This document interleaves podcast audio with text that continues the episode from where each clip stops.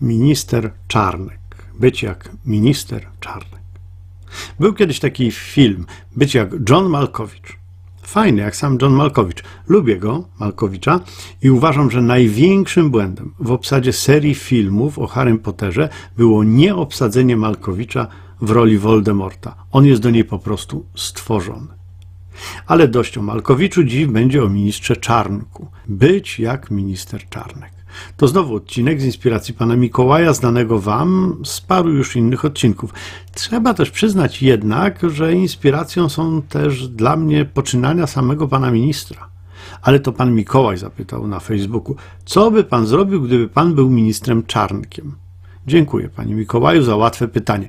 Gdybym był ministrem Czarnkiem, to podałbym się niezwłocznie do dymisji, a następnie resztę życia wiódłbym w ukryciu, bo wstyd. Wyobraźcie sobie sami. Idziesz po bułki? Wstyd. Chcesz wyskoczyć z kumplami na szybkie piwo? Wstyd. Z żoną chcesz się gdzieś pokazać? No ale jak, skoro wstyd? Trzeba żyć w ukryciu. Nie ma wyjścia. Łatwe pytanie, prosta odpowiedź. Gorzej, gdyby pan Mikołaj spytał, co bym zrobił, gdybym był jak minister Czarnek. Znaczy, gdybym był ministrem edukacji i nauki. To trudne pytanie, bo to zupełnie nie moja działka, ale mogę spróbować na nie odpowiedzieć poprzez negację głównie, czyli głównie czego bym nie robił, czy też nie zrobił, gdybym był takim ministrem. No, nie gruntowałbym cnót niewieści. Gruntować to sobie można ściany przed malowaniem, z tymi cnotami to bym sobie dał spokój, bo jak pamiętacie, wstyd. Dobrze bym się zastanowił, jak zapobiec katastrofie zwanej TVP Teen to taki nowy kanał, który chce uruchomić telewizję skierowany do widzów z przedziału wiekowego 10-16 lat. Ja w tym przedziale mam dzieci, więc wiem co mówię. Dobrze bym się zastanowił, bo już słychać, że ten kanał będzie promować rodzinę, nadając treści edukacyjne i rozrywkowe. Już widzę, jaki to będzie hit. Coś na miarę Radia Maryja dla nastolatków. Myślę, że to nikły segment rynku, ale kto bogatemu zabroni? Y, TVP Teen przypomina mi wielki hit z czasów pierwszego lockdownu, którym była szkoła z TVP. No to dopiero było boskie. Liczby parzyste, jak się można było dowiedzieć w tej szkole, to te, które mają pary. Takich świadków było co niemiara. Ministrze Czarnku, nie idź tą drogą.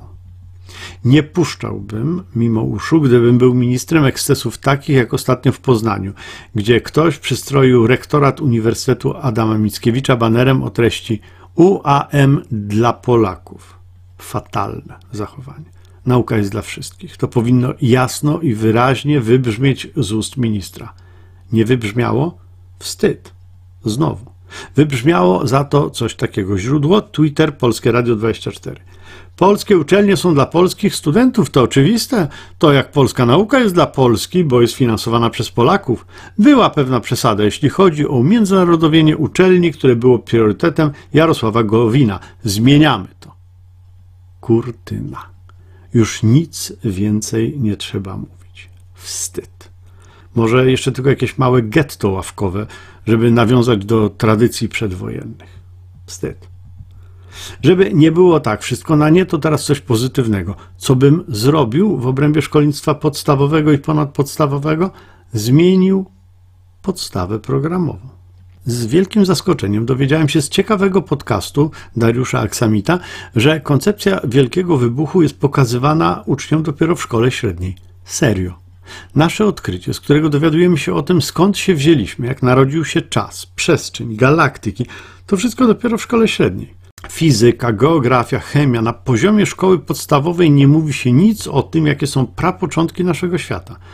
Te braki nadrabia nieco religia, z której możemy się dowiedzieć o sześciodniowym cyklu powstawania wszechświata, no ale... A przecież gdy uczymy na chemii o pierwiastkach, to warto byłoby powiedzieć, skąd one się wzięły. Czyli piętnastolatek wie, że w jego żyłach płynie krew. Wie być może nawet, że zawiera ona żelazo, ale nie ma pojęcia o tym, że to żelazo to produkt procesu fuzji termojądrowej w jądrze umierającej gwiazdy. Jesteśmy cząstką takiej gwiazdy, każdy z nas. Wyobrażacie sobie? Wyobrażacie sobie, jak fascynujący sposób na sprzedanie wiedzy chemicznej marnujemy, nie opowiadając uczniom o Big Bang, na kim nie zrobi wrażenia, że złoty łańcuszek, który ma na szyi, to coś, co powstało w wyniku zderzenia gwiazd neutronowych. Hej, to ma potencjał o wiele większy niż cnoty niewieście, dajmy na to. No i bezwzrokowe pisanie na klawiaturze, coś czego szkoła powinna uczyć na pierwszych lekcjach informatyki, nie bzdurnych lekcji dziwnego programowania. Programowanie fajne jest oczywiście i, niech będzie dla chętnych. Niektóre dzieci mogą dużo skorzystać na lekcjach programowania, to jasne. Ale każde dziecko skorzysta na bezwzrokowym pisaniu. Dziś to tak ważne jak nauka kaligrafii 100 lat temu. Proste, panie ministrze, dałby pan radę, gdyby się pan tylko trochę postarał. Pójdźmy teraz na trochę w obszar szkolnictwa wyższego. Czego bym nie robił, a co bym zrobił. Na początek trochę wyjaśnień dla tych, co ze szkolnictwem wyższym nie są na co dzień za pan brat.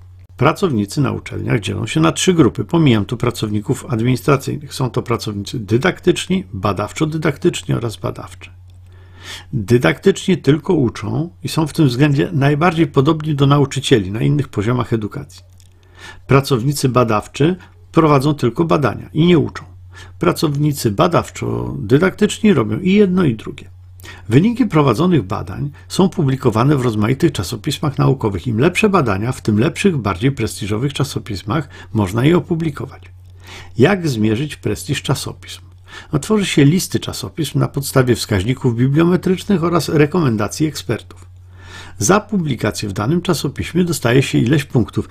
Im więcej, tym lepiej dla danej uczelni. Co zrobił minister Czarnek? Skorygował sobie punktację tych czasopism, przypisując wysoką punktację wybranym czasopismom. Na marginesie, w dużej mierze tych, w których sam publikował. Nadal ma żenująco słaby dorobek naukowy ten nasz minister, ale już teraz jakby trochę mniej. To manipulowanie przy punktacji sprzyja wysokim notowaniom tych uczelni, które lubi pan minister, a robi pod górkę tym, których nie lubi. Uczelnie w zależności od liczby zdobytych punktów trafiają do określonych kategorii A+, czyli Superliga, A, B+, B oraz C. Mm, ta ostatnia kategoria C to rezerwuar słabe uszy. Kombinując przy punktacji czasopism, minister chce ręcznie ustawiać, kto jest w jakiej kategorii. Dodatkowo, wedle przygotowywanego właśnie rozporządzenia, minister chce sam ustalać progi kategorii, od którego poziomu zaczyna się A, a od którego A, od którego B, a od którego B. A kategoria to dla uczelni praktycznie wszystko: prestiż, pieniądze, uprawnienia do nadawania stopni. O tym wszystkim chce ręcznie decydować minister. Reforma firmowana przez Jarosława Gowina zawsze wydawała mi się oględnie mówiąc nie najlepsza. Te lepsze elementy owej reformy właśnie demontuje minister Czarnek.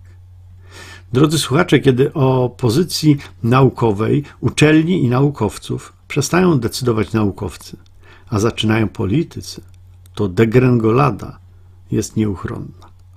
Być jak minister Czarnek, to może lepiej już w ogóle nie być. Do usłyszenia.